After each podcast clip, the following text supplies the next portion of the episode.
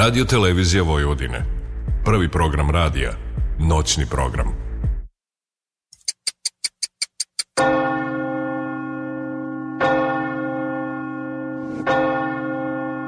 Tačno je 0 časova i 3 minuta.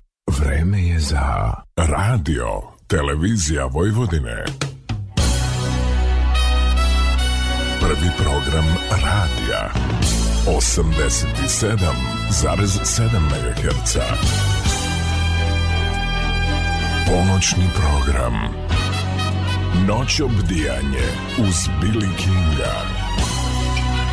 Radio, televizija Vojvodine. Prvi program radija. 87,7 MHz.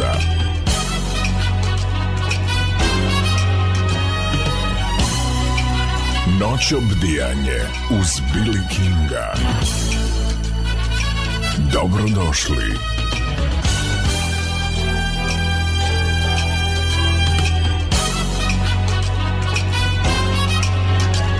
Radio Novi Sad, prvi program. Noć Noćobdijanje uz Billy Kinga.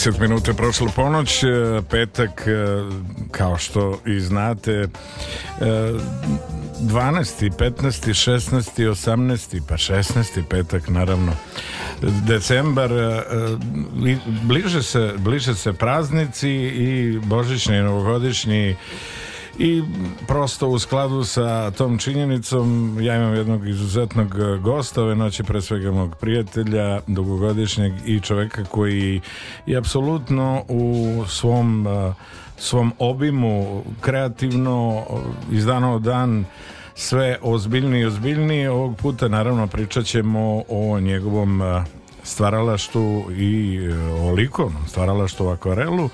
Pričat ćemo i o muzici i o saradnji sa drugim autorima i sa ljudima iz njegove neposredne bližine i svemu onome što je doneo i doprineo uh, jednoj, jednoj svetlijoj, boljoj slici Novog Sada, a Boga mi i šire, jer njega ima uh, svugde, reklo bi se nema gde ga nema.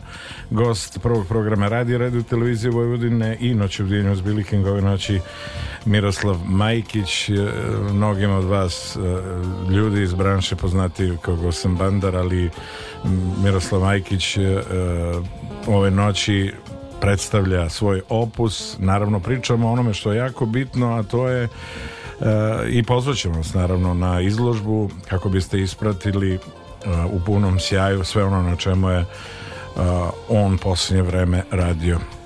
Dobro mi došao i hvala ti na izdvojenom vremenu po ceo dan, neka jurnjava, neka, neka e. u skladu sa, sa obavezama i ti uvek nekako uspevaš da da odgovoriš na sve te izazove, na iskušenja i na obaveze koje su pre tebe stavljene bez obzira što smo o, pun gas u obavezama lepo je što, što se uspeva da se, da se sve to poobavlja e, hvala ti prijatelju Bili na pozivu kao prvo u tvoju emisiju posle tvoje pompezne najave osjećam se kao neka vrlo bitna ličnost Ovaj, pa jeste da je, ovaj, ja se sad već onako malo zagazio sam u te 50 znaš kako je. Da, da. I sad dođeš ovaj, kad te pritisnu obaveze sa svih strana, onda teško se iskobeljati svega toga.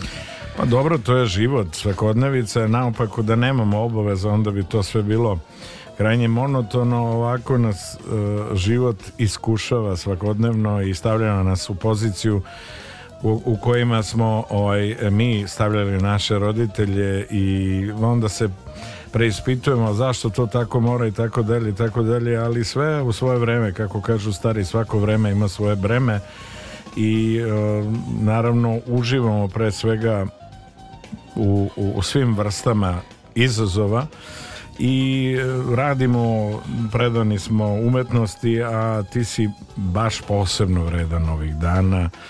Pa jesam, ovaj, a, a znaš kako, sad da se nadovežem na tvoju priču, lepo si to sve rekao, ja sam se trudio da se izborim za svoj status, da budem slobodni umetnik, to jest da budem slobodan, što god značilo da je sloboda, to je sada da. opet filozofsko pitanje o kojem možemo da raspravljamo. A i bez obzira što sam slobodan, pa kao recimo za tu slobodu mogu da kažem primjer da mi ne visi niko nad glavom da mi da, zadaje da, šta da, ću da, da. radim da, nego da, da, mogu slobodno se ponašam u svom životu i da sam sebi organizujem vreme i život ali bez obzira na sve to ja mislim da je svaki čovjek osuđen da ga s vremena na vreme stisku, stisnu neke tegobe i frke i urnjave i da bez toga ne može život da prođe ono, ja mislim da to svako je od nas iskusio i svako vrlo dobro zna šta pričam tako da ovaj, uh, borimo se, borba je ceo život borba će biti dok smo živi i to je to, nema šta. Tako je, tako je. Ne bismo nosili tu, tu odvažnost i tu snagu i oj, ovaj, ne bi se pripremali za, za sve te e, priče da, da nema tih iskušenja i zato smo tu gde jesmo, odgovaramo onako hrabro e, svemu onome što je pred nas Eh, stavljeno. Yes. Ali ajde da mi lepo pričamo, mislim, na sve vreme lepo pričamo, nego da pričamo o, o, o, onom što nam predstoji i što je aktuelno trenutno u, u tvom životu.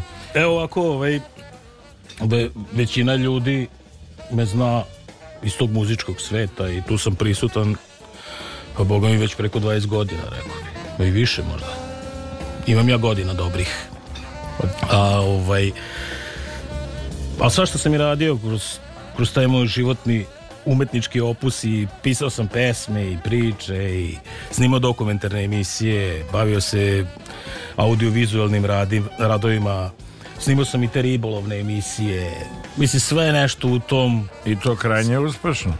Pa dobro, sad ne znam. Velika gledanost. Ne znam, ne znam kako se ogleda ta uspešnost. Ovaj, da smo postili da uradimo nešto, po tome smo uspešni. Ali sad koliko smo ovaj, uspeli s druge strane da se ovaj, Uh, uh, da se izlečimo finansijski to je već neka druga A, e, to Je, to je druga strana medalje. Pa da. A dobro, ispade na kraju sa tim ribolovnim emisijama da smo pro, proveli puno vremena, potrošili puno vremena i nadali se kao da ćemo možda i naći neke sponzore pa da će to krenuti malo ozbiljnije vode. Međutim, ništa se toga nije desilo, zato što se zna da u bilo kojem sistemu moraš da budeš pripadnik tamo, bliže bliže gore da bi nešto uspeo. Bliže Ako nisi, onda si doviđenja, neće ti reći ni ne želimo da vas prihvatimo, nek će jednostavno pročutati jer nismo da, da. dostojni uopšte to je da se bilo šta, to je da, da se bilo šta komentariš. E, eto, imam sad neki novi životni put, okrenuo sam se slikarstvu i Dobro, ja ne mogu sad da pričam o sebi, kažu mi ljudi da, da mi to dobro ide, da neki mi kažu da sam talentovan. Zavisi, ja ni ne znam šta je talent. talent ja bi pa šta, ti, šta je talent Evo ja recimo, pa- razmišljao sam o definiciji šta je talent Ja mislim da je talent samo volja i želja i upornost da postigneš nešto što želiš. Što si zacrtao i imaš ga negde na... Da, a što opet ovaj, dolazimo do drugog nekog pogleda, to je znači da kad neko kaže nisa, ja nisam talentovan kao ti, to znači da je lenj, da nema volju da to postigne, jer mislim na kraju krajeva svaka umetnost je i zanat. Apsolutno, apsolutno. Raditi iz dana u dan na sebi i onda je realno očekivati rezultat. ako, ako tavoriš, e, vrtiš se u krug, e, ne radiš na sebi, e, stalno nalaziš ili imaš potrebu da se osvrćeš na neke koji su uspeli ili im je po tvoje nekom, po tvom nekom sudu opet neko pomogao, to je samo izgovor za samo izgovor za neke filmove i neke priče u životu da ne napraviš ono što si zacrtao, što si ti nekako planirao. Ako a, tebe kako, se to ne može reći. Mo, ali, ali nešto, ja bih ja bi sad pomenuo neke ljude koji ja mislim da postoje ljudi neki, sad mi pričamo u ovom smislu da pomognemo nekome. Ako da. nas sluša, pa recimo on će reći, jao, kako je ovo uspješan, kako je ovo, ja nemam ništa. A nema ništa zato što Da li se on nije pronašao u ovom životu? Da li je od straha radite neke stvari koje su ga e, u koje su ga ukalupili od samog rođenja, da li roditelji, da li sistem, da li škola. Pa onda iz nekog straha ne sme da, da, da to zatvori da bi se pokrenuo sa nečim drugim, drugim što voli. Ja mislim da su nesrećniji ljudi koji imaju želju i volju da se bave nečim drugim, ali ne smeju to da krenu zato što e, imaju strah da napuste to već što imaju u nekim ono najbanalnijim odgovorima neću imati da platim račune, šta će mi doneti sutra, ovo mi je neka sigurnost, a ta sigurnost te samo uvlači u blato.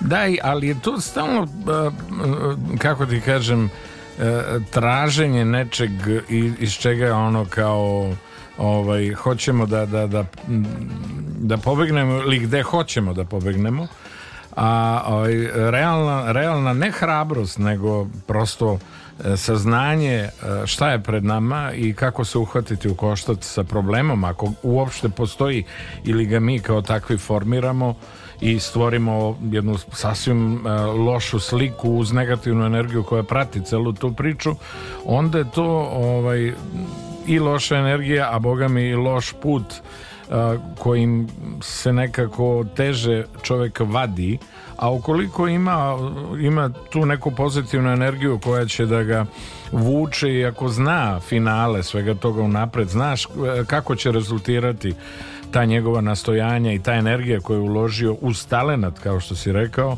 onda je on onda je on na dobiti što bi se reklo on je tad u plusu i a ja na temelju svega onog a znam Bogu hvala mnogo o, o tebi i direktno neposredno i ovako iz iz e, e, to, sve ono u čemu se posvetio život, vreme, rad i ono što se stvorio e, nije to malo, to je ogromna, ogromna, ogroman legat, ogromna zaostavština Uh, kao opšte dobro onima koji dolaze klincima kojima treba ta neka vodilja i treba im odrednica kako da rade na sebi, koliko da ulažu u sebe i da se prepuste tom daru i, i talentu uz, uz sve ono jer uh, nekako limit ne postoji ukoliko je čovjek kreativan evo najbolji pokazatelj koliko sam ja pozvan da komentarišem su tvoji akvareli ja sam prosto zatečen i siguran sam da svi oni koji e, ne budu došli na veče e, na veče da, da kažemo da, evo, sad će, tako sad ćemo najaviti to ali evo ajde sad recimo odakle sa to ja bi ti možda ako ima želju da čuješ odakle mi je sa to i Naravno. kako se to došlo pa sve je krenulo od ove nesrećne ove pošasti što nas je zadesila svoje vremeno pre dve godine gde su mi muzičari bili tu prvi na udaru, znaš i sam da je tako. Tako je. Niko drugi sad recimo, kao nije to toliko strašno, ali eto, prvo su se zatvorili klubovi, bilo je zabranjeno javno okupljanje, je tako? Tako je. Koncerti da ne pričamo. Dakle, tu su muzičari prvi bili na udaru. Baš prvi na liniji fronta. I ja sam, ovaj, pravo da ti kažem, baš to kad se desilo, mi smo onako ostali svi zatečeni, ja i moje kolege, šta je ovo, kako, da li će, kako će ovo biti, šta će ovo biti, da li, da će, dokle će ovo trajati, šta se ovo dešava. Međutim, eto, prolazili su neki silni meseci i ništa se nije pomeralo i ja sad razgovaram sa prijateljima i svi mi nešto kažu, ja opusti mi druže, ne znam šta da radim, evo, žena me izdržava, moram da tražim nešto novo da čime ću se bavim. Uh, i, a ja sam radeći u studiju mom gde snimam bendove, gde se bavim tim producentki, producentskim snimateljskim poslom, Ja sam evo pravo ti kažem godišnje pa barem 5 5 4 5 do 6 albuma snimao bendovima samo iz Osijeka. I oni su snimali album kod mene, dogovorimo se, pa dođu recimo u tri vikenda. Međutim, kad se desilo to, onda je ispalo da, da ih je skuplje koštalo samo ti testovi koje su morali da obave da bi došli u Novi Sad i da se vrate, nego celo snimanje albuma. I oni su isto odustali, nisu znali šta će. Tako da, eto, uh, mračno neko doba nas muzičara se zadesilo. I ja sam onako nekako ovaj, da ne pratim celu tu priču, onako malo me je to psihički onako ugnječilo, mislim svakog čoveka je psihički ugnječilo, pogotovo nas koji smo bili na prvi na udaru. I bukvalno sam onako, ovaj, došlo mi je samo od sebe da uzem bojice, da slikam, da ne posmatram šta se okolo dešava, nego da se prepustim u neku novu kreativnost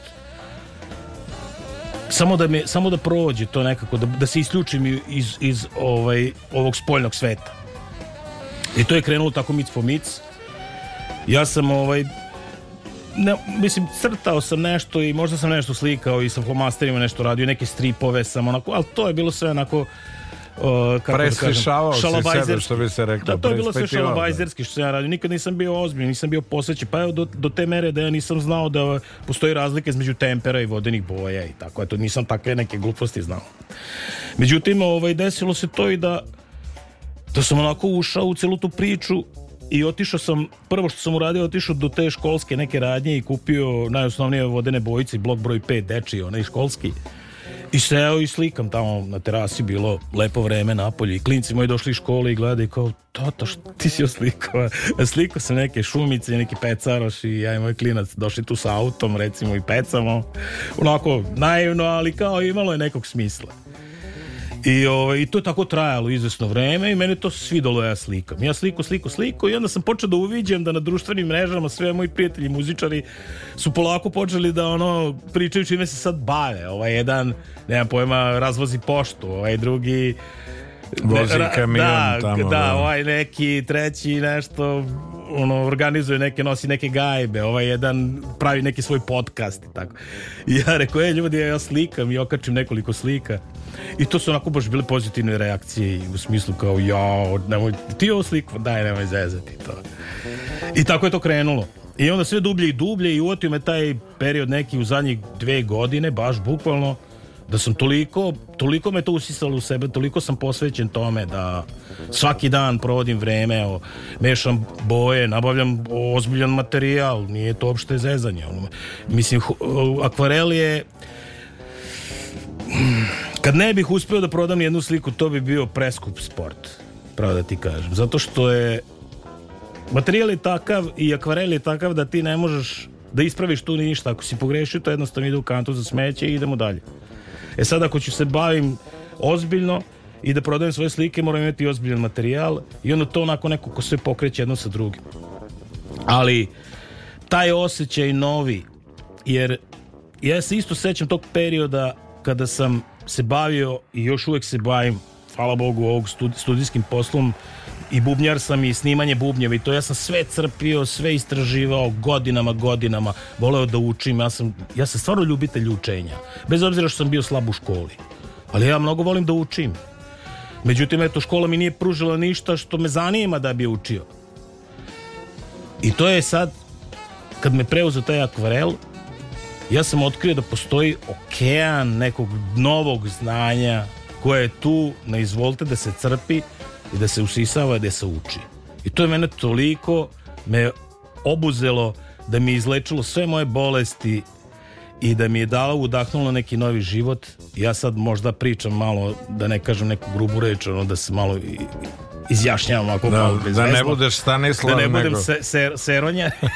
Ali zaista, ljudi, verujte mi, Uh, i mogu da budem zahvalan ovoj koroni s jedne strane što da. sam postao slikar Pro, probudila je u tebi jedan novi jest jedan novi ovaj e, e, jednu novu definiciju tebe, tvoje ličnosti i prosto odvela te tamo gde možda nisi ni sanjao.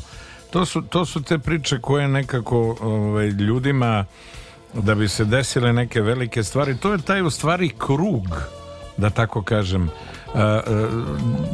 dešavaju se naizmenično lepe i ružne stvari ali jedna prosto zatvori krug ovde onda otvori ovo novo i to je prosto taj životni ciklus i, i mi smo kao što rekoh stalno Eh, pred, pred, ne mogu reći svršenim činom, ali smo u situaciji, u poziciji da, da ovaj, eh, pokušamo od sebe da dajemo najbolje i tim stalnim preispitivanjem dolazimo do saznanja da i u ovom segmentu ovaj, eto, eto blago nama i na opšte zadovoljstvo i nas, tvojih prijatelja a i svih onih koji nisu do sad upoznati sa a, a, tvojim slikarstvom i akvarel je, kao što ja najavih izuzetno teška tehnika gotovo najteža, kako preneti zbog eh, tehnike, zbog eh, brzine koje moraš da vladaš akvarelom zbog vode, zbog boja da bi dobio ono što treba dobiti jedna mala greška odvedete u totalno pogrešnom sferu i ne možeš da dobiješ ono pa jeste, jeste, ali opet e, treba biti na terenu prisutan intelektualno u procesu slikarstva akvarela jer sve te neželjene stvari koje se dese ti moraš njih da iskoristiš e, u tom trenutku za najbolje nešto moguće što, što možeš da zamisliš. Inače, ako si ti toliko želiš da budeš precizan i ne voliš da ti se dešavaju neke nepredvidive stvari, onda akvarel nije uopšte za tebe da ga slikaš. Nego ti stalno u procesu rešavanja problema dok, je pro, dok, dok traje proces slikanja i dok je vlažan papir, dok se nanose pigmenti. I to je jako interesantno, tako da u većini slučajeva ono što si zamislio ispade drugačije, ali to uopšte ne znači da je loša slika, može samo da bude bolja. Znači, svi akvarelisti kažu pustite akvarel, on sam sebe slika, nemojte ga osporavati, pustite ga da uradi ono što u čemu je najbolji. Samo mu dajte i, i on će sam to uraditi za vas. To kad se radi ono oko vlažno na vlažno, recimo, taj proces je tako da Uh, treba da imam plan, treba da imam plan, treba da iskiciram, da imam osnovne neke stvari. Znači, taj objekat koji se nalazi i ostalo pozadinu ću ja polako da, da pravim i tek na kraju se približavam konkretnim stvarima. I razlika je u tome što se kreje slika sa svetlost prvo i to je jako neobično i nije, nije, nije logično za, za, za um čoveče i da na to se treba vežbati i navikavati. Čovek je navikao da radi prvo sa senkama jer sve ono što mi vidimo u stvari senke, svetlost ne vidimo. Tako da moramo da zamislimo da je svetlost prvo i nju da naslikamo, pa tek onda tamnije, tamnije nijanse i onda na kraju najtamnije nijanse su svom četkom se rade. Tako da u toku procesa često puta se desi da ovo ne liči ni na Kad pogledaš ono, ovo, kod izgleda ćeš baciti da ćeš, da ćeš odstraniti. Međutim, ako tačno imaš plan sebi u glavi, ti nastaviš dalje, nastaviš dalje i nanosiš te tamnije podloge senčenja i onda na kraju onako sve dolazi svoje i sklapa se jednu celinu dobija i, dobija, i dobija svoju lepotu tako da na pola puta svi ti radovi izgledaju onako odvratno kod dete neko da je slikalo ne, ne možeš predstaviti uopšte se dešava na papiru a zato treba isplanirati to eto i to ja sad učim to je taj neki proces učenja teorijski ja to sve znam ali druga je stvar to rešavati na papiru i još zašto zašto jako zašto je još težak akvarel zato što uslovi gde ga slikaš nikad nisu isti. Ni temperatura, ni vlažnost vazduha. Najidealno bi bilo da si u nekoj komori gde je konstantna ista temperatura i vlažnost vazduha. I onda bi tačno mogao da znaš. Ovako recimo zimi kad radi grejanje brže mi se suši papir nego recimo kad, nije, kad, kad ne radi grejanje ili recimo kad je napolju vrućinčina ili kada udara sunce isto tako neke stvari se dešavaju a nekad kad pada kiša ne može se osuši papir pa sve čekam pa fen pa da ga sušim ono da bi nastavio dalje slikom i to su tako neke stvari I onda se okreće ovako i gledam ga na svetlost, na neku sjelicu ga gledam, kolika, kakva je glazura na papiru, koliko je koliko je vlažan ili koliko je su i koliko je negde između da bi nastavio dalje proces. I to je onako interesantna stvar, onako eto jako je lepo ono, baš sam srećan što sam ušao u tome, ali da ti kažem još jednu stvar što isto mi je bilo u, u, u glavi uh, planirao sam da pišem knjigu to je pre nego što mi je stigao akvarel. I tako da ništa sad od toga, ono. Ali ću da se nadovežem ono što si rekao da... U pauze slikarstva piše. Ne, ne, pa dobro, ne, ne mogu. Ne, moraš se opredeliti za nešto, ono. Sad ne bi valjalo da radim x stvari odjednom. Ali, ovaj, što se, da, hoću se nadovežem što, na ono što si ti prvo rekao da u kompletnoj toj umetnosti to ima jako puno grana, ali u principu sve je isto. Sve je isto. Znači ja sad kada slikam isto mi kao kad pravim muziku onako ovaj, slažem frekvencije. Pa i boje i svetlosti i tame su isto neke vrste frekvencija. Slažeš segmente da bi dobio neki sklad. Isto je u muzici. Znači kad bi ušao u dublje filozofsko razmišljanje ja bi tu našao neku paralelu i to je isto sve. Ali jedna jako bitna stvar i to se volim da se šalim kad pričam s kolegama muzičarima U slikarstvu i dalje sam kreativan. I dalje mogu da budem i one man band. I dalje mogu da završim svoj rad i da prikažem svoje javnosti i da dobijem kritike, a ne treba mi basista. Da, da, da, da, da, da, da. da. E, treba samo biti slobodan, treba da, biti hrabar u onoj meri, iako mnogi ljudi danas a, e, opterećeni, skeptični u svemu onome čime sa čime se uhvatiše u koštac, ali ti si, što bi rekli, eklatantni primer e, jednog hrabrog, e, talentovanog e, umetnika koji čega god se dohvati pretvara u zlato i pre svega jedan slobodni borac, što bi se reklo. Kao pa i hvala naš... ti Bilio, ne moraš baš toliko da mi kao i naš... Malo mi je neprijatno, ja sam ipak skroman čovek, onako, volio bi da ostavim... Kao i naš Steve Jones. ja, ja uvodim u stvari ovaj, naše poštovne slušalce ono što ćemo da čujemo sad a to je tema uh, Freedom Fighter od uh, Steve Jonesa Naravno, na talasima prvog programa radija, radio televizije Vojvodine, noće bdjenje uz Billy Kinga, moj i vaš gost ove noći Miroslav Majkić. Budite sa nama pa se vraćamo druženju.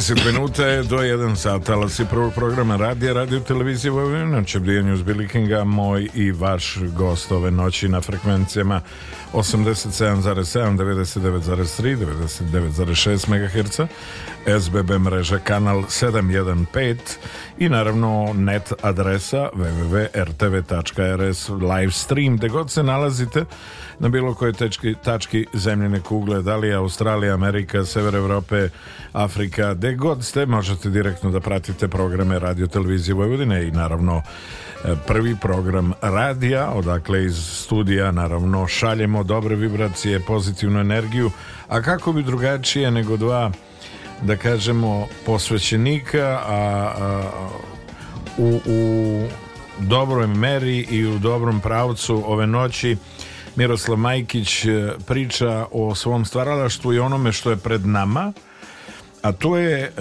zasigurno izložba koja će e, mnoge koji nisu upoznati sa tim segmentom njegovog stvaralaštva pored muzike i pored svega što stoji iza ovog sjajnog e, čoveka, pre svega brata, prijatelja, e, definitivno e, učiniti i ulepšati im dan, siguran sam, kad se budu našli. Ajde da pričam malo o mestu E, gde, gde će se desiti izložba, naravno koliko je akvarela u pitanju i e, podrška ljudi koji, koji su prepoznali u tebi posebnosti i darovitosti da. kad je akvarel u pitanju? Pa evo, ako ovo će biti moja prva samostalna izložba, e,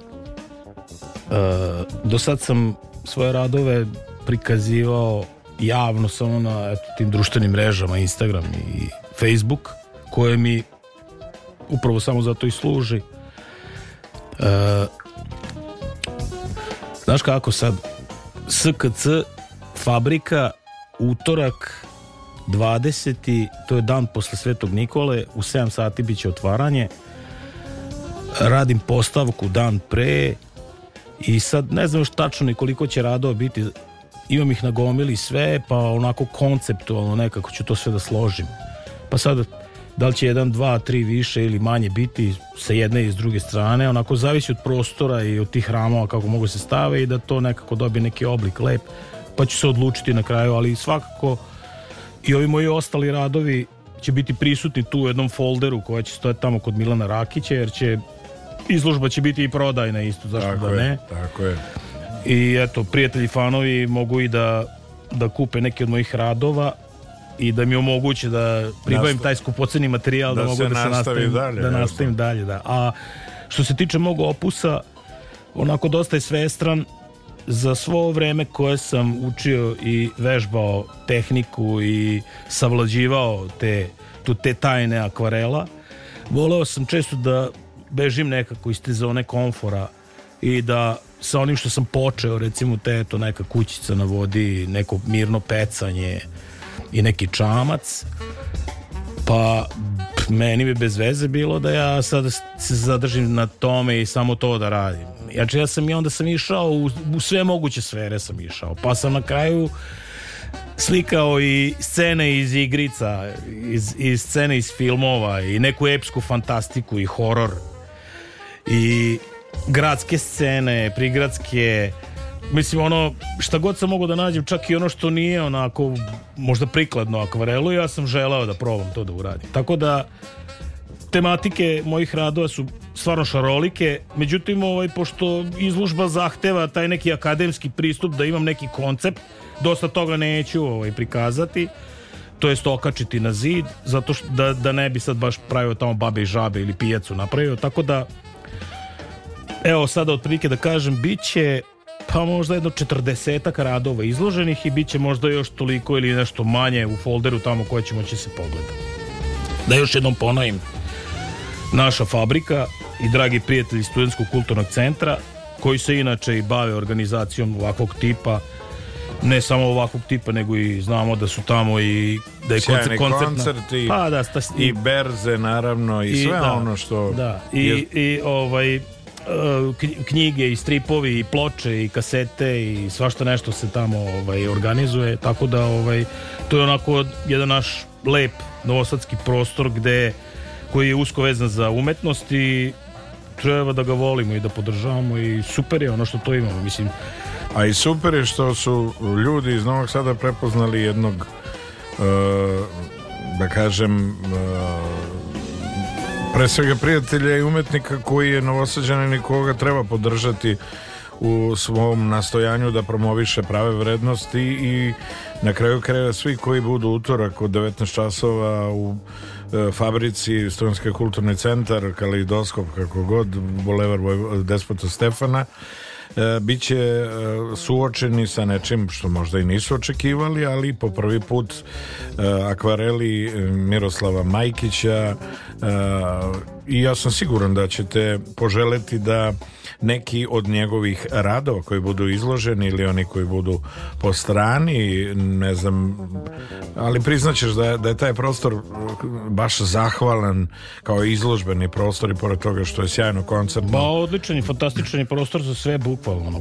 Ima veličinu, ima sad je lepo urađeno grejanje, baš je fino toplo tamo, onako, baš za taj veliki prostor. Fabrika ima tu neku betonsku konstrukciju, Oče, to nije prvobitna namena je bila da bude neki proizvodni prostor svoje vremena. Da, tako. da, da, da, da. Tako da je to lepo preuređeno i baš tako lep prostor za sve moguće dešavanje i događaje. Ja sad kako gledam njihov tamo raspored, pa to je čoveče popunjeno ono tokom cele godine, ono sve živo, svakakvih manifestacija ima i promocija i, i, i, i ovaj berza i nema šta nema, diskusija nekih, Tako čak i pozorišnih predstava, otvorena. da, ne pričamo o koncertima, ono sve živo moguće da se tamo dešava i odlično, odlično to je. Ja recimo, uh, pošto sam eto, zauzet sam uglavnom vikendima sa svojim studijskim poslom jer radimo onda kad, kad, kada ljudi, kad su ljudi slobodni, ono, kad dođe band pa neki snimamo, tako da onako malo slabije se krećem, ali u svakom slučaju volim. Ja sad sam skoro bio na Baletovoj izložbi, Bale moj veliki prijatelj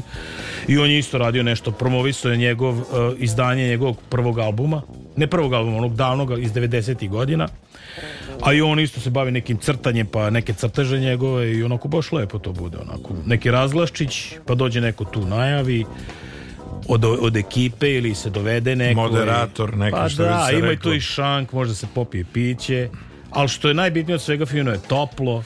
Tako da je, ne može bolji prostor biti za te stvari. Mogućnost. Jako sam zadovoljan i srećan, ono, eto, a eto, imam i prijatelji u Studentskom kulturnom centru, kroz sve ove godine, oni su mi, kao što znaš, izdali on, moja dva albuma Piknika. Tako je.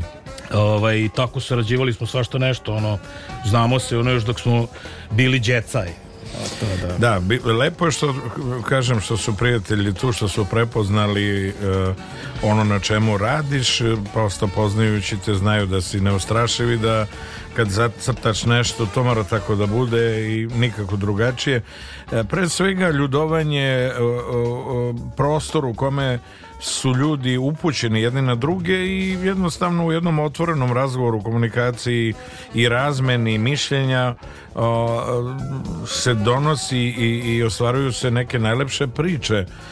Upravo da nije bilo te pre svega komunikacije i, i želje da se tvoje tvoji akvareli nađu u izložbenom, u, kao izložbeni prostor fabrike studentskog kulturnog centra ne bi se naravno ni desio ali kažem ljudi pre svega čine mnoge lepe stvari i eto prilike i povoda da svi koji budu željni, raspoloženi i siguran sam da će ukoliko su voljni imati vremena da posete i da budu na samom otvaranju i e, da e, vide dela koja ize... Pa znaš šta bi se još nadovezao na celu tvoju priču? Da je publika je onako baš temelj svakog autora i temelj svakog umetnika i vetar u leđa svakog. Znači, možemo biti, mi biti tvrdoglavi koliko god želimo i da bodemo u jednu tačku i da radimo ono što mi hoćemo, ali ako to nema neki onako povratni onda ovaj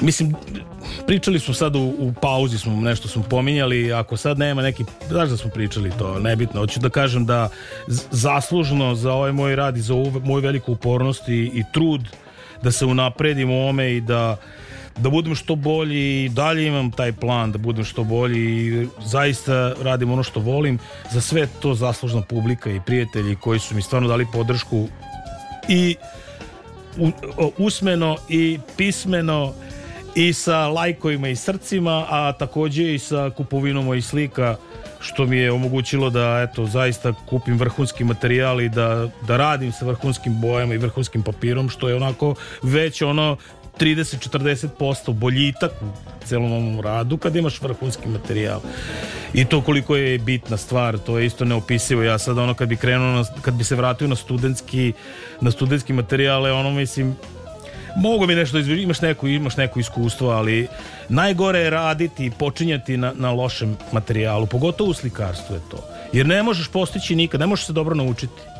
Uvek svaki, Slikar, evo sad pričamo o slikarstvu, on će reći kupite najbolji mogući materijal koji možete sebi da priuštite.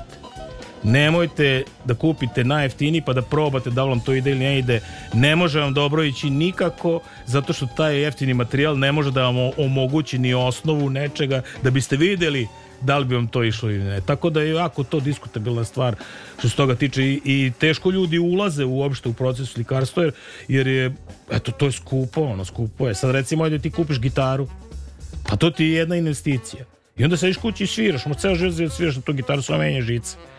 A da slikaš ne možeš, brate mili. Moraš svaki put da imaš novi papir moraš da kupaš boje non stop. Tako Troše se četkice. Papir je najskuplji. U akvarelu je najskuplji papir. To je pamučni papir koji ima izvesnu težinu i radi se na njemu taj sizing koji koji će da, da, da onako primi lepo da vodu primi, i boju. naravno i da. potezi da, sve. Tako je, da, tako da eto, to je onako, meni, ja sam za, ovaj, zahvalan sam publici i ljudima i prijateljima koji su kupovali od mene slike da, da mogu da se nastaviti time i da se unapređujem. Sad mi je mnogo lakše zbog toga. Tako da, eto, hoću da kažem, ovaj, zašto i radimo ovu izložbu? Da bi nekako stavio pečat na taj moj prvi segment. Prvi segment svog slika i najbitniji segment mog slikarskog o, o, ovaj, života do sada i da, eto, publici pokažem te moje radove, da im dam priliku da vide radove uživo i da napravimo neko druženje i da i da a, nekako eto od nove godine krenem za nečim novim jer ja sam sad tu na nekom balansu jer sam E, sve ovo što sam do sada radio, to je istraživao sam tu tehniku, radio sam na tehnici, gledao sam kako se stvari dešavaju i onda sve to bilo tehnički više. A sada kada mi je tehnika onako dobar deo tehnike. Naravno, nikad sve, nisam ja majstor i to treba puno vremena da se postane majstor. Ali ide uzlaznom tendencijom. Da, ali, ali već onako ne moram da obraćam pažnju i da razmišljam, da opterećujem svoj um tokom procesa na neke tehničke stvari zato što su mi već one sad postale rutinski. I onda to mi omogućuje da polako počnem da se bavim više dizajnom nego samom tehnikom. E sada, što se tiče tematike, to je sad opet neka druga stvar. Svašta možda bude u tematike, to ne mogu tačno da znam napred. Šta me bude povuklo, tako će i biti, ali poznajući sebe da mnogo volim da mešam stilove, da mnogo volim da mešam te tematike, da će tu i dalje biti baba i žaba, da se neću zadržavati oko nečeg barem do sad. E sad recimo ako postane master u nečemu, vrlo, te ne kažem master, nego vrlo dobar u nečemu, onda će verovatno forsirati nešto malo više, a nešto malo manje, pa će se tu negde tražiti. Dobro, ja sad ulazim malo te neke dubinske diskusije u vezi ovog mog e, slikarskog zanata, ovaj, ali eto, osjećam se nekako prijatno ovde i domaćinski kod tebe, pa, pa Naravno, onako, i, da otvorim, i, da, i da otvorim dušu, da li me slušalci razumeli ili ne. Ja sam siguran kogod je sve veći broj ljudi koji nam ovaj, se prijavljuje i e, ukazuje na to da su sa nama Što bi prosto rekli, nisam dovoljno bogat da kupujem jeftine stvari. Tako to da je tako istinito, moj bili, to je tako istinito. I tako ti pristupaš na jedan zreo i odgovoran način svemu na, na čemu Zato što si vrhunski profesionalac uvek bio i pokazivao da E, sve ono čime raspolažeš i od onog od čega raspolažeš ti uvijek daješ e, vrhunske priče ja nikog u životu ne pričam sad zato što smo u etru i zato što smo ovde gledamo jedan drugog i pričamo nego ja od nikog od saradnika koje, koji su ti prepustili dirigentsku palicu i koji su radili, sarađivali s tobom u studiju nisam čuo lošu reč, nisam čuo negativan komentar tako da sam siguran da svi oni koji e, nas prate, čuju ili nisu imali e, informaciju, evo još jedan put, izložba akvarela mog i vašeg e, gosta i našeg prijatelja, mog prijatelja i povratima, Miroslava Majkića, Studentski kulturni centar, Fabrika, utorak 19 časova, utorak 20. decembar. Dan posle Svetog Nikole. Tako je. I mi, pošto ću ja biti tamo, da Bog zdravlja. Da će Bog zdravlja, nego što će. E, vidimo se tamo sigurno, a mi ćemo da, da u, u, u svemu ovome čujemo jedan bend koji, koji se bavi bojama i, i bavi se uopšte koloritom Living Color u, u temi Cult of Personality koji je u stvari lepo, lepo. prvi njihov singl 88. Budite sa nama, noć obdijanja uz Billy Kinga, Miroslav Majkić, gost noć obdijanja.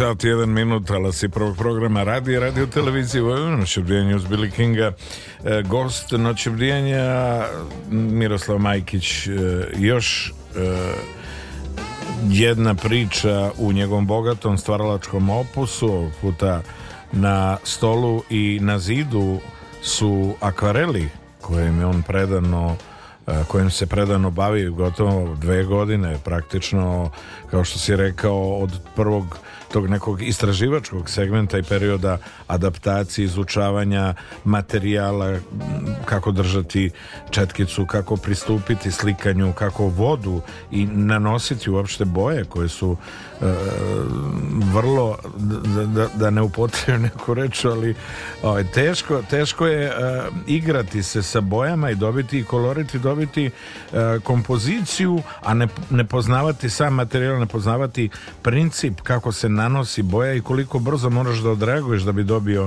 uh, kompoziciju, željenu kompoziciju koju si pristupio do, do svega onog što stoji iza tebe o samo za dve godine i ja ono otvoreno i apelujem i željan sam i siguran sam da će e, ljudi kad budu došli do fabrike, do Slovenskog kulturnog centra e, videvši e, na čemu si ti radio sve prepoznati u tebi uh, ozbiljnog da kažem tako ajde žargonski igrača i ozbiljnog umetnika bez obzira na to da li je u pitanju akademija, nije tu, mislim, osvrtati se možda neće tako daleko da ne bude lažno skromno ili neskromno, ali osvrtati se na neke od najznačajnijih akvarelista kroz istoriju akvarela, e, ne zbog toga što smo u studiju, ali koliko moje oko, da kažem kreativno i vizuelno e,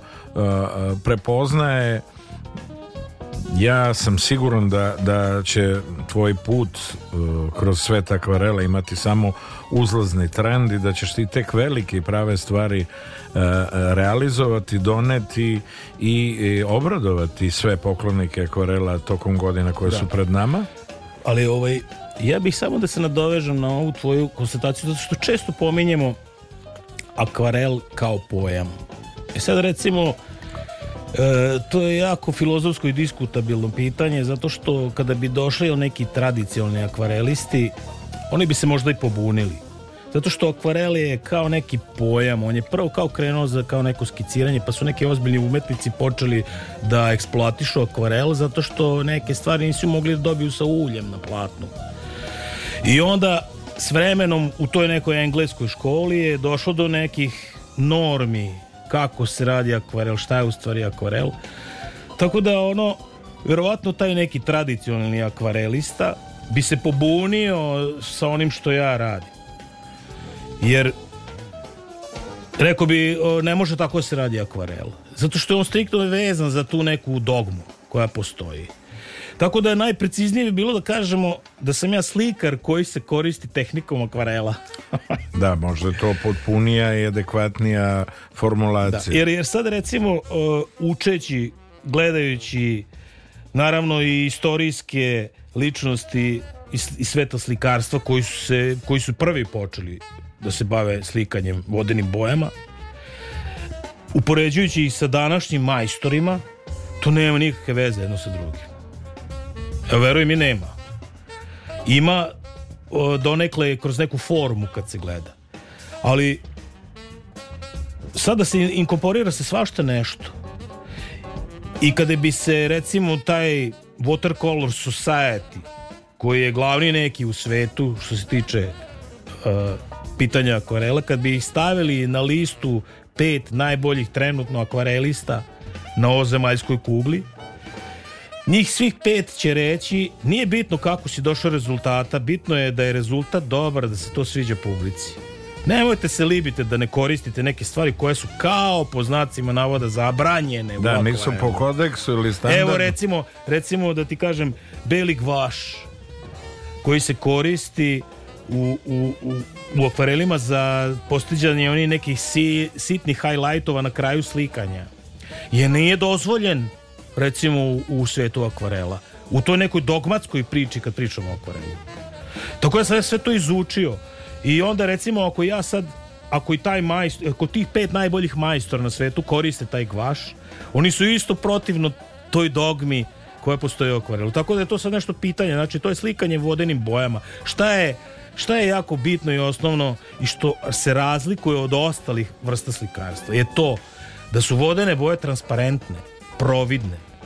Znači, ako nesem, ako, ako se radi zaista o, o pravim transparentnim bojama, pravim pigmentima i e, da, da su urađeni profesionalno, kada nesem sloj plave boje i on se osuši, na njega nanesem sloj žute boje, dobit ću zelenu.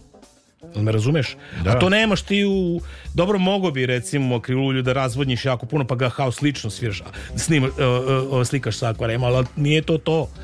To niko ni ne radi kada, kada povučeš liniju, ona ostane tu. Ali u akvarelu je totalno drugačija ta forma. E to su sad samo te slikarske vodene boje i ono što sta, zaista e, uh, razlika od ostalog, belo, osnovno belo je ti je pozadina papira Ne nos, nemaš ti bo, belu boju u akvarelu. Koristi se samo taj mali beli gvaš koji je u stvari pokrivna boja, za razliku od svih ostalih boja u akvarelu, koja se na kraju koristi samo da bi se dodali neki akcenti svetlosti koji se reflektuju na nekim delovima. Ili kako bi anulirao neželjeni potez na samoj, na samoj slici koja je pobegla ne želeći ti pa sam dobro, kao autor dobro, to da je da dobiješ. ono, da, to je već da. da ispravljanje grešak. Ali eto, ono, Pa ne znam, imao sam potrebu sada da se pravi malo pametan i sada pričam, ako sad ne znam koliko to ljude uopšte zanima, nego eto samo čisto da se moram se tu malo ograditi da, da pre rekao za sebe i trebao bi da kažem tako je bilo najispravnije da sam slikar koji se koristi tehnikom akvarela za svoje slikarstvo Nisam. Sad, uspešno. Čak recimo da sam i stavio malog vaša, dve tačkice, dve crtice, to već nije akvarel, to je multimedija. Razumeš me? To je onda to malo ulazim u taj problem. Ali to su sve neke dogme i to uopšte nije bitno. Bitno je da slika lepa i da se sviđa ljudima i koga je na kraju biga, kako si to uradio. Tako isto to, evo, gledaj, koliko to vezano sa muzikom, uvek nađem neku paralelu. Recimo, Dođe bubnjar i kaže, nemoj ti da mi sempluješ tu doboš, ja hoću da se moj doboš čuje tu. I onda on odsvira njegov album i ja u stvari ne semplujem taj njegov doboš, nego recimo nekad uzmem ako je slabiji neki udarac pa poturim ispod njega jedan mali ler nekog doboša, čisto da mu malo podebljam celu da, priču. Naravno. I on kaže, majstore kako si mi napravio doboš, super. A da sam mu rekao, pa poturi sam tu neki sample ispod, zato je dobio malo tu mast on bi se bunio i ljutio. Znači, bolje da ne zna, razumeš? Tako je. Tako da, hoću ti kažem, uopšte nije bitan način ničega ako izbegnemo sve te dogme. Bitan je krajnji produkt koji će biti lep za uvo i za oko u bilo kojoj, u bilo kojoj grani umetnosti kojoj se baviš. to je na kraju jedino bitno. Da, e, taj istraživački duh svojstven tebi i e, jednostavno činjenica da se ne libiš e, ničeg kako bi dobio željeni, željeni i finalni, da kažemo ajde tako, proizvod ili gledano konceptualno sliku koju si krenuo da, da stvaraš i da, da je donosiš pre svega svojim, svojim, e, svojom vizijom o tome kako ona treba da izgleda, gde da te vodi i ta tri neka segmenta kao uvod, razrada, zaključak koja te negde vode e, do željenog cilja. E, Kažeš da, da su situacije u kojima se e, nalaziš često, staneš pred, pred papir sa bojama u rukama i e, nije blokada, ali gde krenuti, kom pravcu krenuti, šta, da, pa, pa, kako stvarati? Pa ja nisam nikad uskudevao u idejama, uvek, uh, uvek je nešto izlazilo iz mene. Evo, ne mogu mislim, da li to da se pohvalim, ali ne mogu da se požalim da sam uskudevao u idejama. Međutim, e, desi se to da imaš želju nešto da radiš, a ne znaš šta.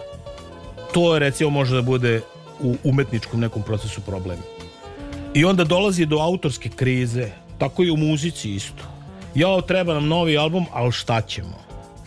Jednostavno nemamo, razumiješ, sad trenutno nemamo, a trebalo bi. I onda se silujemo, daj nešto, samo da radimo da bismo radili. I onda na kraju, naravno, to nije ništa, ako nema nikakvog nadahnuća, džaba ti išta da radiš. Tu bendovi upade u autorsku krizu uvek autori koji imaju za sebe neke albume ili nešto. I onda recimo došlo je vreme za nešto drugo, prate se trendovi. Evo vidi, ovi bendovi su izdali novi, izbacili novi uh, spot. Najava za novi album. Jao, trebali bi i mi, ali jednostavno nema, nešto ne izlazi iz mene. I onda traganje za inspiracijom, to je kod umetnika česta stvar. Kako da tragamo za inspiracijom, kako da nas, kako da nađemo nadahnuće za naše radove. I onda, eto, svako ima neki svoj recept, ali to je česta stvar u kojoj umetnici upadaju. Česta stvar. Dolazi do zasićenja nekog. Često se desi, desi zasićenje. Zato se treba osvežavati stalno. Stalno treba nalaziti neki način da se čovjek osveži. I zato ne treba se ukalapljivati u jedan određeni stil, u jednu određenu kategoriju. Treba stalno bežati iz zone komfora. Treba koketirati i sa ovim, i sa onim, i sa ovim, i sa onim. Treba ti sad znaš da, da bi, ja bi sad na ovaj način, pošto mi dobro ide, uradio jako dobro, a na ovaj način nikad nisam radio baš ono, ne znam šta će biti. E pa baš zato i treba. Jer ne znaš da će ćete to odvesti. Ali u svakom slučaju, slučaju ćete proširiti tvoj dijapazon tog nadahnuća koji ćeš yes. moći, posle moći da iskoristiš za nešto drugo.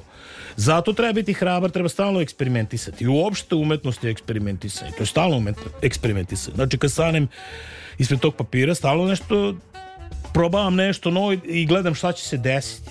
I na kraju ispadne ta slika, ja nisam zamislio kompletno sve tu kako jeste. Ali treba se držati neke određene forme, znači u bilo kojoj umetnosti imaš svoj stil, imaš neku svoju osnovu prepoznatljivu po kojima te sve znaju. I to ti je osnova i to je tvoj pečat, a oko toga razgrađuješ sve ostalo. I onda to treba gajiti, tu se treba zadržavati. Imati taj svoj pečat i držati ga kao malo vode na dlanu.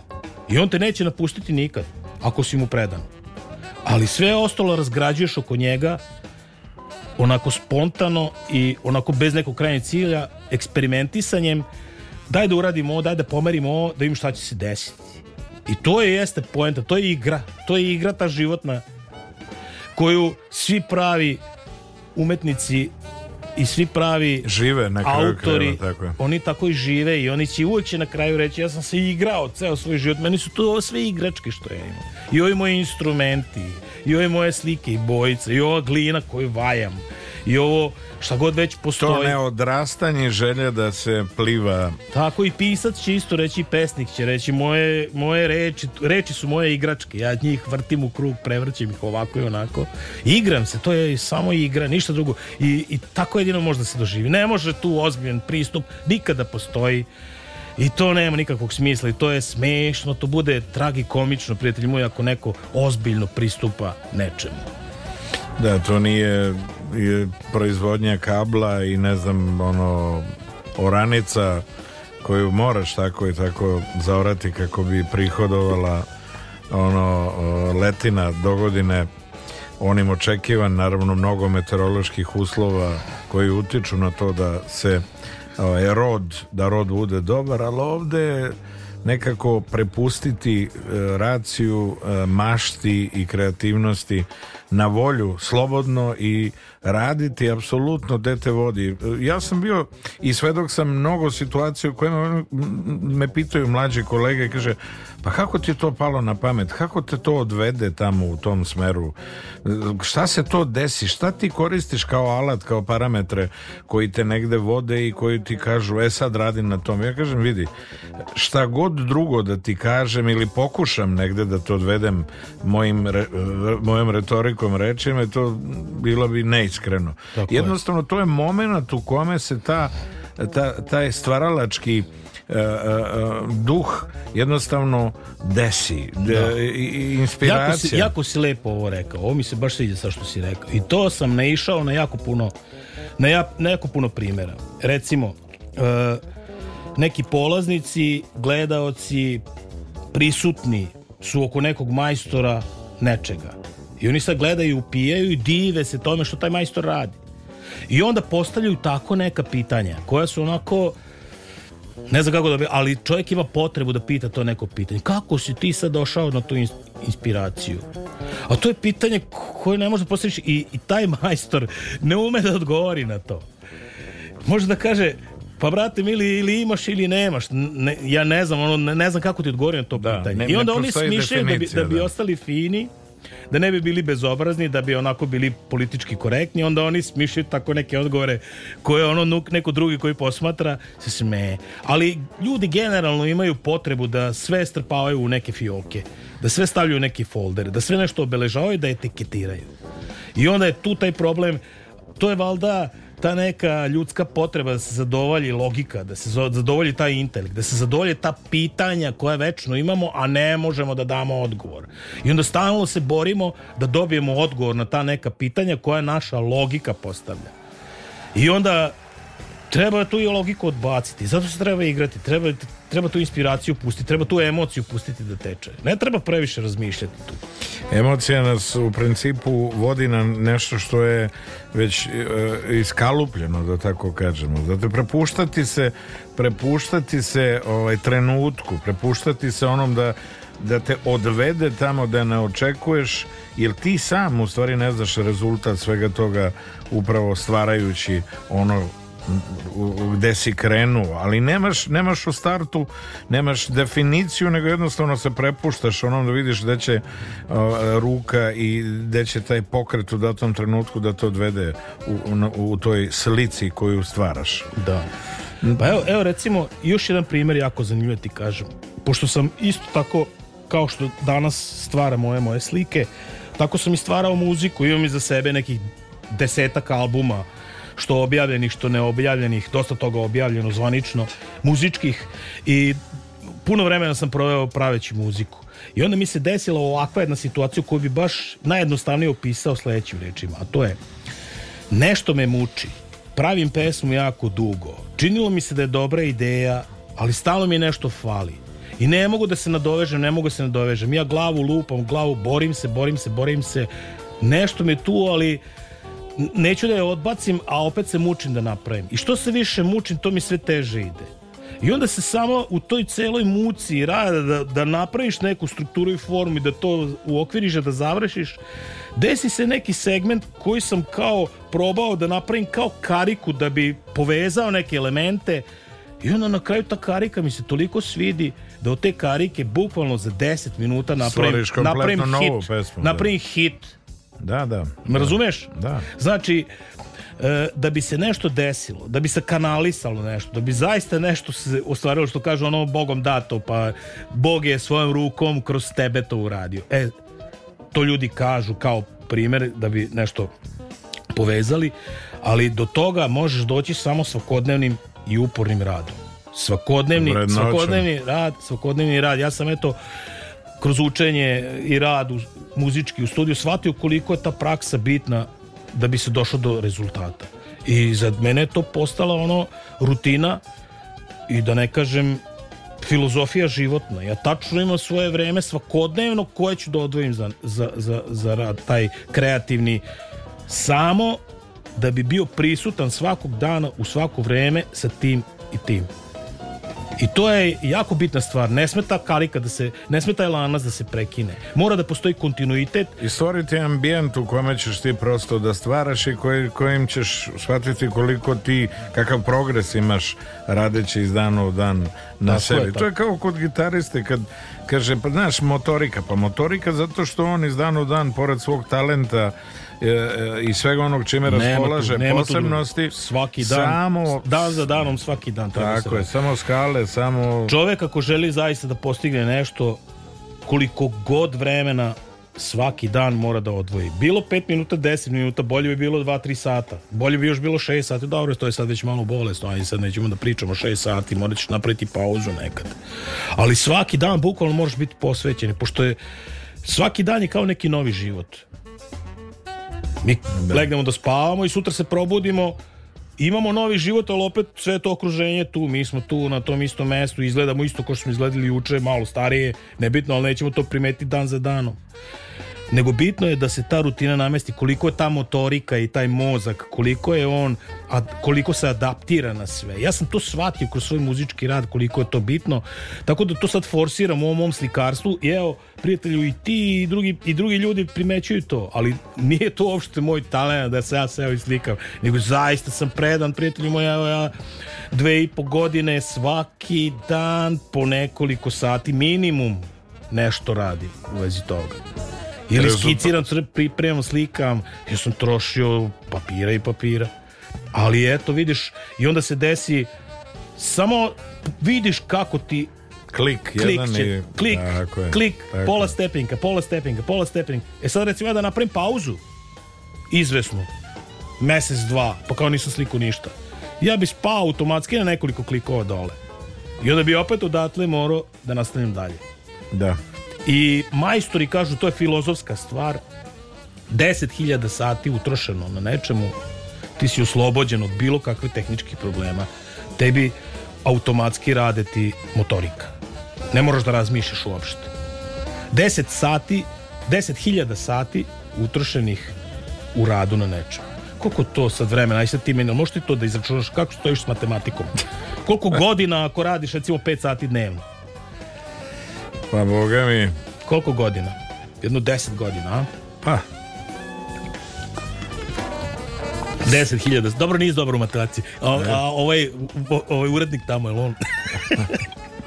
Nema kalkulator. Ma imaš, imaš kalkulator. Nema kalkulator. Dobro, nema veze, to pričam. Pa lako ćemo to da izračunamo. Nema veze, Imamo ne telefonu, nego... E, sve velike stvari dešavaju se u trenutku i taj moment, taj catch koji se desi između umetnika i dela je e, pitanje samo trenutka i neke iskre koja se desi na toj relaciji uz to što si rekao da e, moramo posvetiti adekvatno i, i mnogo vremena e, nadgradnji i, i tom progresu kako bi dobili o, željenu priču. Od... Pa jeste, ali, ali kod pravog umetnika to je jedini put. I to nije opšte neko utrošeno vreme koje mi sad stavljamo pod moranje, nego to je prirodan proces. Absolut. Znači, ako si posvećen nečemu, tebi je normalno prirodan proces da ti svakodnevno u, u tom u tom, u tom svom, u svo, u svojoj nameri za, za, či, za šta si se opredelio trošiš, utroš, utrošiš vreme i to posle možemo mi da stavimo na kantar ali u tom trenutku ti ne razmišljaš o tome to je jednostavno tvoj prirodan proces i to je najbolje moguće jer postići će sigurno napredak neko ko se siluje da se tako izrazim da nešto radi on će sigurno to uraditi. Silova će se da nešto uradi i, i osetit će progres. Ali problem u tome je, ako ti to ne radiš prirodnim procesom, tebi će se to ogaditi u jednom momentu i ti ćeš prestati to da radiš, smorit ćeš se. Znači, ne možeš ni pod pritiskom da se maltretiraš da to radiš, jer ćeš siguran biti odustati od toga u jednom momentu. Onako odustati da se više nikad nećeš vratiti. Tako da, to je samo pitanje da li si čovjek pronašao u životu ili nije. Ako si se pronašao u životu, svo to utrošeno vreme na radu, ka svom cilju, je prirodan proces koji uopšte ne shvataš kao rad. To nije rad, to je tvoj život. A neko, sa druge strane, koji se maltretira i forsira, osjetit će takođe rezultate, ali to, te rezultate ćemo doneti samo trening njegove motorike, koji posle pre, pre, prerasta u automatski proces. Ali taj utrošeni napor koji on u to ulaže će mu se vratiti na taj način da će u jednom momentu preseći i odustati od toga. Miroslav Majkić. The Cult, She jel, Sells Jel puno filozofiram i ti isto voliš da filozofiraš? Pa naravno, pa, sam pa ne, pa ne, do, doći ćemo do, do željenog ako razmenjujemo mišljenje, stavove i prosto ne bežimo mi od suštine. A šta kažu gledalci tvoji? Bi želi da pričamo o nečem drugom možda? Ne. Kaže, na dobrom smo putu, rado slušaju, prate nas i zahvaljujem hvala, im, dragi hvala im hvala. na tome, a mi slušamo band The Cult u temi She o, Sells Century. Fino, Budite sa stari nama. dobri hit. Jeste. Wow. Noće brijanja uz Billy Kinga.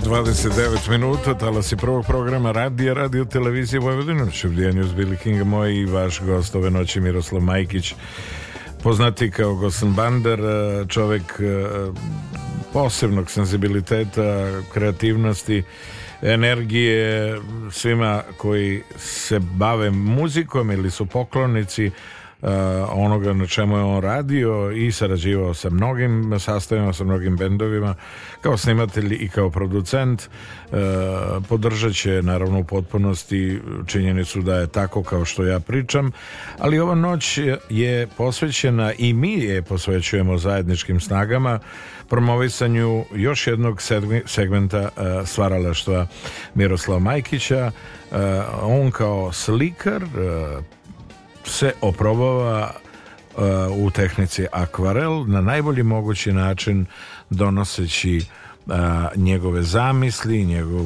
koncept, njegove priče na papir i u skladu sa njegovim željama i našim naravno uh, našom podrškom 20. decembra utorak od 19 časova Fabrika studentski kulturni centar E, poziv svima koji e, prate njegov rad, njegovo stvaralaštvo i poklonicima akvarela da se te e, večeri, znači dan po Svetom Nikoli, utorak dese jednostavno u prostorijama Stonskog kulturnog centra u fabrici kako bi bili suočeni na pozitivan način ili u pozitivnom kontekstu sa stvaralaštvom e, Miroslava Majkića. E, Pričali smo o nekim tehničkim e, momentima kao što su ajde, ja znam otprilike kako se slike kače, ali, ali eh, u, u, krugu kompletnog, kompletne fabrike eh, prostora, odnosno kulturnog centra koji je ujedno i koncertni prostor i mesto za eh, debate i mesto za promovisanje nekih drugih umetničkih dela i stvaralaštva na kraju krajeva i berza ploča i svega onog što u svom bogatom opusu studentski da, kulturni da, centar godinama tamo, da. radi Pa, ovaj, ja sam sad prvi put u tome, tako da tek ću da vidim na licu mesta kako će to sve ići i kako ću da izložim sve te radove. Imam na raspolaganju nekih 50 ak pa ću vidjeti kako ću to, na koji način da sklopim i da složim u neki, neki koncept, u dva možda segmenta. Nego, eh, eto viš, dobro si neke stvari pričao. Sad ja recimo ono, voleo bi da prenesem neko svoje iskustvo eh, na tom prelazu dobro, nije prelaz, to je onako kao dodatak nekom mom celom opusu, opus, opusu životnom iz muzike u slikarstvo. Tebi da kažem da neverovatno da me jako puno ljudi iz tog muzičkog sveta, da ne kažem fanova, prijatelja koji, koji vole moje, moje, moje um- umetička dela, uh, muzička, da su me podržali u slikarstvu i da im se zaista sviđa ovo što radim. Čak mi se desilo da mnogo njih da li u inostranstvu, da li ovde kod nas, baš su mi došli sa rečima, ono, ej, prijatelju, brate, ti si toliko mene veselio i radao sa tvojim pesama, ono, hoću da imam jedan tvoj akvarela, ono, baš, ja nemam slike neke kuće, ali od tebe baš hoću da kupim, da imam ono neku usmu za tebe i da ti se na neki način odužim. A to je bilo, eto, vidiš, ovaj, i to nije redak slučaj, baš puno toga se desilo. Da su ljudi onako baš iz nekog poštenja i dobročinstva, koliko su dobri ljudi. Ulagao si u prijatelju. Da, ali eto, baš tako su mi rekli, ono, baš da ti suza krene na oko. Koliko si me radovo i uveseljavao i koliko volim me tvoje pesmi, tvoje radove. Pa ja to su mi samo što ne priš novi album. Pa rekao, vrate, bili, evo, deset albuma sve već napravio, znaš, ne mogu napraviti bolju pesmu od Miš Puži Keri i Krastave žabe i, nemam pojma, idiotizaciju i šta se već pravio, bojkot i ne znam ja šta. Mogu bi samo da nastavim da tavorim tako u nekom mestu i da lagano idem u fade out a ovo je sad nešto novo što me okupiralo, pa kao pro, nalazim prostor što ne može da se poredi sa nečim dosta što sam radio. Biće i toga, naravno da ima. Kad izdaš jedan album, ti si nešto novo, ti si neš, neka tu svežina i ljudima se ili svidi ili ne. I svima tima kojima se se od sledeći album kad izdaš, će ga malo staviti na kantar, reći će ono, upoređivaći sa onim prethodnim, prethodnim da. da. To je tako u životu. Ali opet, s druge strane, što je jako interesantno u ovom kompletnom ovom opusu je to da sam ja kroz muzički taj život stalno bio u nekom undergroundu. Šta znači underground? To je onako nisam bio pa to je o, ono supr, suprotno od mainstream. Upravo to sam te reći, da. Nisi I bio to je, i, ja mogu da kažem da sam sa ovim stilom muzičkim koji sam gajao svo to vreme sam postigao baš onako zavidan uspeh i putovao sam sa bendom svuda i svirali smo svuda i bili smo i headlineri na velikim festivalima, a svirali smo i u najcrnjim rupama. Tako da sam svašta preživeo i taj krug publike, taj krug publike, ne može tu ništa dalje da se desi. Međutim, evo sada kad sam počeo se bavim akvarelima i slikarstvom generalno, e, mnogo njih me podrži. Naravno ima oni koji kažu ti sad počeš ti sad počeš da se bavim, da se baviš kičom. Ali to nije kič uopšte. Ja sam i krenuo da se bavim se nečim što mi odmara dušu. Znaš Zelena zašto, boja. A znaš zašto se oni tako ovaj, pa dobro, izražavaju? Nije. Ima to, ne, ne, ono, oču, se, ali ne uzim ja to za zlo. Naravno, ali to je, to je, to je suštinski problem ovdašnjeg društva. Ne samo pa ovdje, nego da. to je ono kad su ljudi suočeni sa nepoznanicom. Kad im e, u dovoljnoj meri e, e, nisu ni vizualni ni audio tipovi pa se na prvu njima ne dopada ili su ljuti negde indirektno a što si se ti sad u to upustio kad ti imaš već definiciju kao neko pa, ko je ma, producent, toga, autor toga, da. pa te svi, svi ti ljudi, svi ti fanovi svi moji prijatelji i, i, i ljubitelji mojih muzičkih radova stalno me pitaju kad će novi album I onda, znaš, ono sad ja ne mogu da ih uzdoljim. Rekao, ne znam, prijatelj, ono, nisam razmišljao o tome, ja sad moram prirodno da se ponašamo. Sad kad će biti, ja, ja shvatam njihovu želju da bi oni to volili. Ali jednostavno tu sam gde sam sad. Nego, jako interesantna stvar, pošto smo na društvenim mrežama i ti i ja. I te društvene mreže su uvek koristile meni lično za, za promociju radova. Tako Recimo, je da promovišemo kad će imati koncert u, u nekom delu bivše SFRJ ili bilo gde, ili da smo izdali novi spot, ili da snijemo novi album, ili da, evo sad ja, od kako se bavim slikarstvom, postavljam svoje radove i tu se javljaju ljudi koji kojima se to sviđa i ostavljaju mi komentare i kupuju slike i tako. I primetio sam jednu stvar, pošto smo od samog početka recimo na tom Facebooku gde danas više nema klinaca, svi su prešli na na Instagram, Instagram pa za onda da. TikTok. Uglavnom klinaca nema na Facebooku. Nema ih na Facebooku. To sve starija ekipa. Znači, taj Facebook će da umre kad mi budemo umrli. Ali, uh, o, ja imam tih prijatelja jako puno. koje, koji nikad nisu zazirali ništa ono što sam ja radio muzički. A bili su tu prisutni. I znam ih iz grada. Onako, face koje srećem u gradu. Naša generacija približno godinu Plus, B, minus, gore, da, dole, da, nebitno. Nikad, nik, nikakvu interakciju nisu imali sa mojim muzičkim stvaralaštvom. A sad kako se krenuo da slikam, oni su se uključili to žestoko. I onda sad znam, jedno znam ovog čeka, ono, ono kao, bili smo prijatelji toj društvenoj mreži, nikad nije nešto zarazivo što sam radio muzički, a sad ono kao, jao, naš, piši mi nešto ili mi ostavi srce ili mi pošalje neku poruku ili tako, naš, pa, pa probijamo neku komunikaciju koju nismo imali dugi niz godina dok sam se bavio muzikom. To je jako interesantno. Onda isto je interesantno to da uh, javljaju mi se neke žene, domaćice, onako, naš, jao što mi je lepa ova slika, baš mi se sviđa, ja bi to da kupim, znaš da mi predložite kako stavim paspartu, ona bi recimo moju sliku volila da stavi pored njenog visećeg tamo u kuhinji ili ne znam nijak gde. I to su sad neki novi ljudi koji mi ulaze u život. I novi momenti. I to je da. toliko osvežavajuće da onako, e, jako sam srećan zbog toga što mi se to desilo. Eto, onako, da se pohvalim sam sebi da sam ono srećan što mi se to desilo u životu. Naravno, velika, velika je stvar uh, biti ispunjen, a raditi na, na sebi svakodnevno uh, i doživljavati uloženu energiju, kreativnost i uh, posvećenost do te mere na pravi način kako bi imala povratno ili odgovor u toj nekoj nazovi interakciji sa ljudima koji prate na čemu ti radiš i šta si to realizovao, šta si naslikao i e,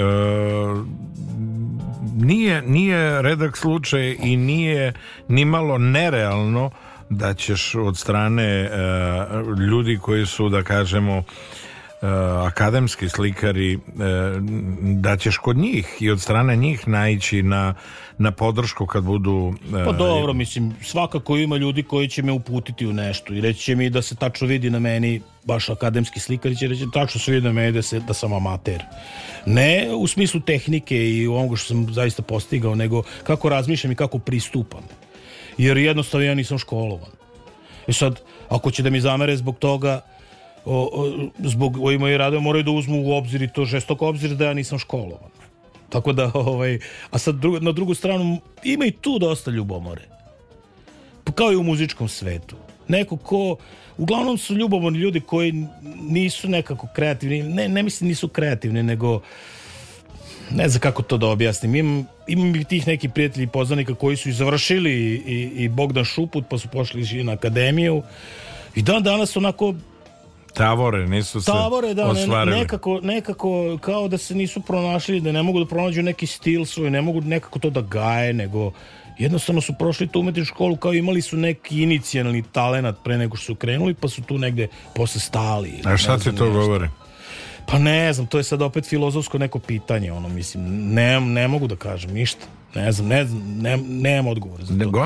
Meni ja se ta... samo čudim, ja se samo čudim za to i postavljam pitanje sebi kako je sad to, a sad Tražeći odgovor, odgovor da. na to sve je da po već nekoj ustaljenoj praksi bez obzira na genetski kod i tako dalje nije, nije pravilo ili ustaljeno pravilo da e, ako je ded otac vrhunski slikar ili instrumentalista muzičar i da. deca moraju da budu tu se E, Možda oni imaju neke predispozicije dobre, da. imaju neku početnu odskušnu dasku, ali to ne znači uopšte da li će se oni naći u tome.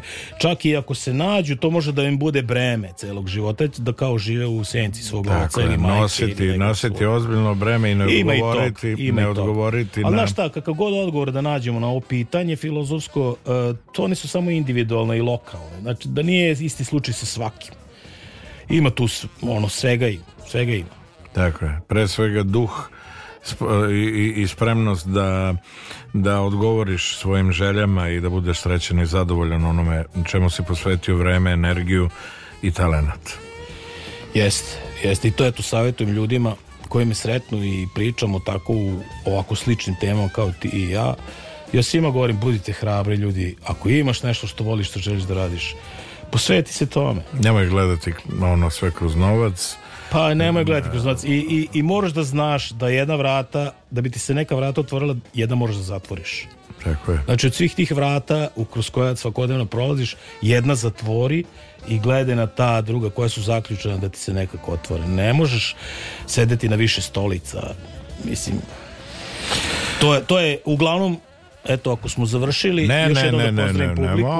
mi ćemo još da pričamo, samo da, da još jedan put e, obavestim poštovane slušalce, utorak, 20. E, decembar, Crnski kulturni centar, 19 časova, izložba, Miroslav, a, izložba akvarela Miroslava Majkića. Vidjet ćemo se tamo i družit ćemo se uživati u, u stvaralaštvu mog i vašeg noćašnjeg gosta. Mi slušamo David Pejča, e, jednog od originalnih i naravno čoveka koji je pokretačka mašina uz Steve Lukatera benda Toto u nje, na njegovom solo albumu u temi Spirit of the Moonlight u noć obdijenju uz Billy Kinga. Budite sa nama.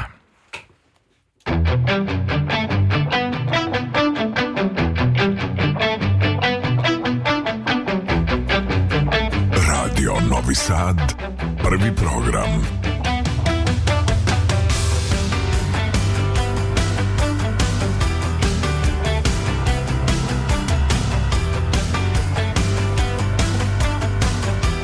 Trećom dijanje uz Billy Kinga. Saw it in a dream, a girl rides across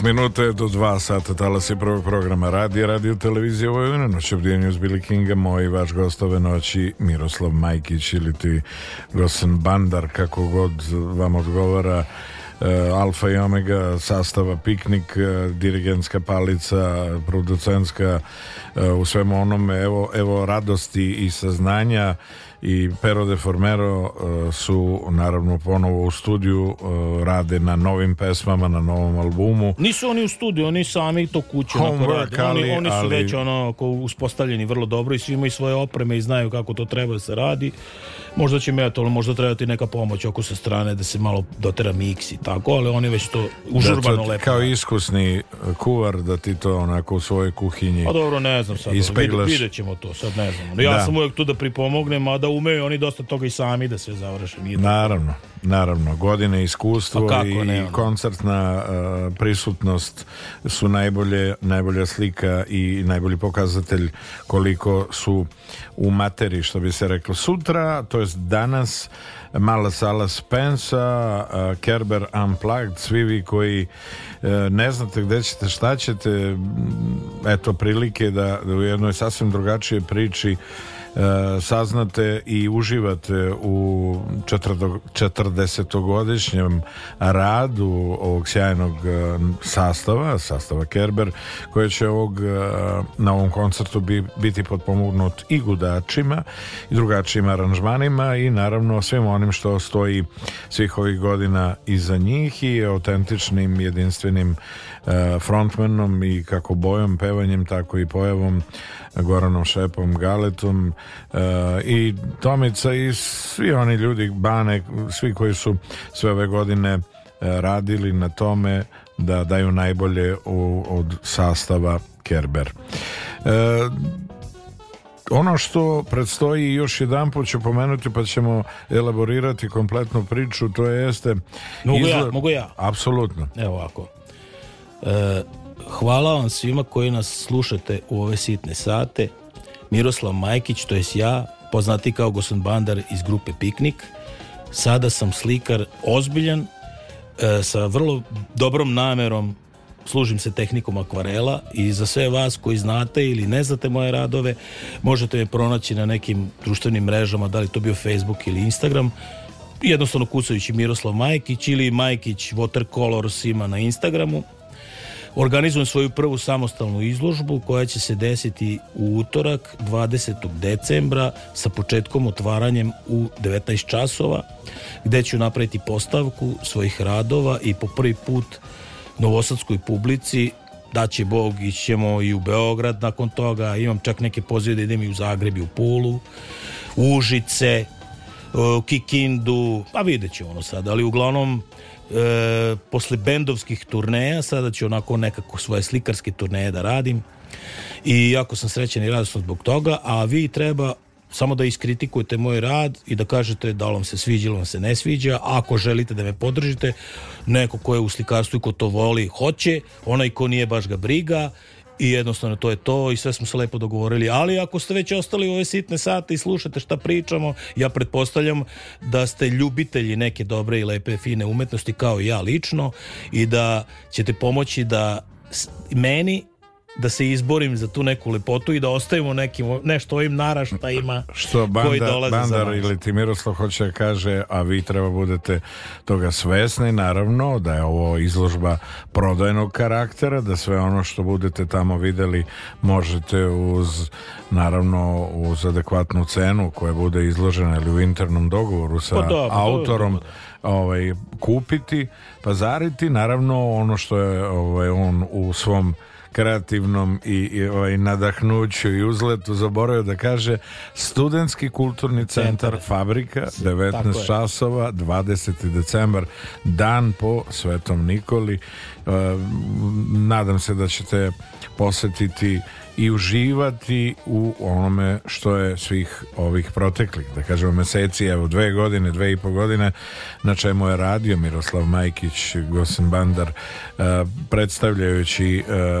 svoje umeće i e, svoju viziju okruženja viđenog, bez obzira da li je to mistika, da li je to neka tradicija, da li je to neš, nešto što je iz svakodnevnog života da. nešto što je mogao da donese pa eto, priloži. uglavnom trudim se da uveselim slušaoca i posmatrača ceo svoj život i da obogatim život ljudima koji rade svoje delatnosti, a vole da konzumiraju umetničke radove. I ja sam, oni su moji prijatelji i ja sam vaš prijatelj i eto, u tome služimo jedni drugima.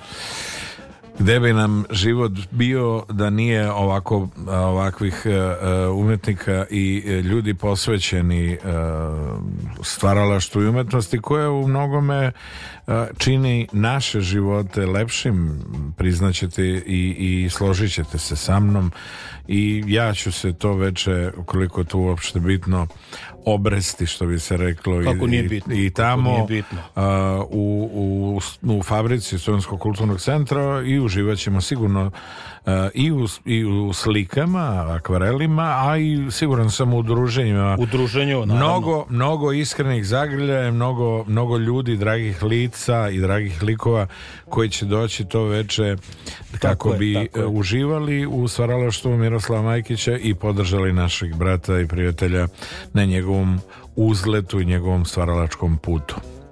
Hvala ti puno, prijatelju, bili na pozivu u emisiju, baš sam se lepo, lepo smo se ispričali, pa možda smo malo filozofski gnjavili, ali i to je neki umetnički put. Filozofija je bliska nama, umetnicima, tako da nekad moramo i to negde da proturimo, kome se ne sviđa šta ću, izvinjavamo se, ali svakako lepo mi je bilo večeras i, i evo još jednom ti se zahvalim na pozivu u emisiju. Moje zadovoljstvo, a svi vi koji niste sa nama, već u prepodnevnim satima na našem podcastu na adresi www.rtv.rs kroz odloženo slušanje, noćni program, možete i ispoštovati uh, ovu emisiju. Slušamo Rage Against Machine u temi Killing in the Name. Noć obrijanja uz Billy Kinga.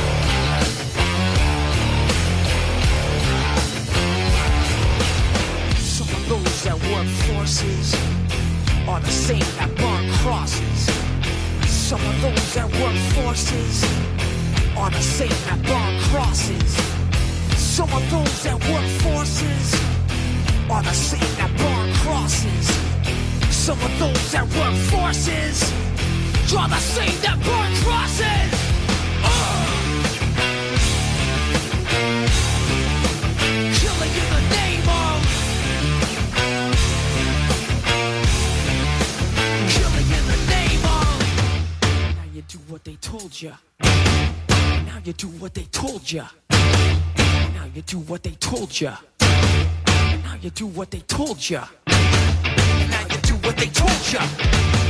Now you do what they told ya.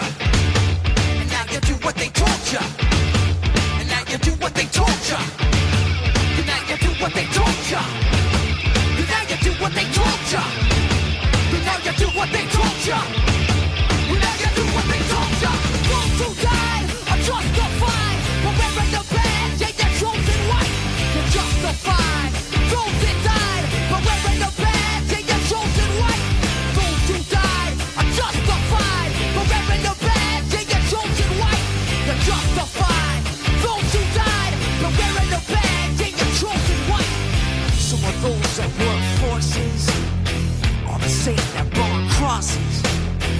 Former those that work forces are the same that burn crosses.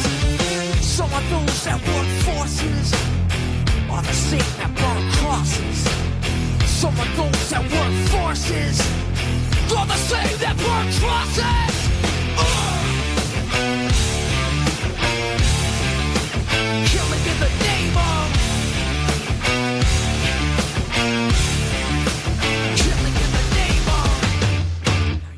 they told you. And now you do what they told you. And now you do what they told you. now you do what they told you. now you do what they told you. You're under control.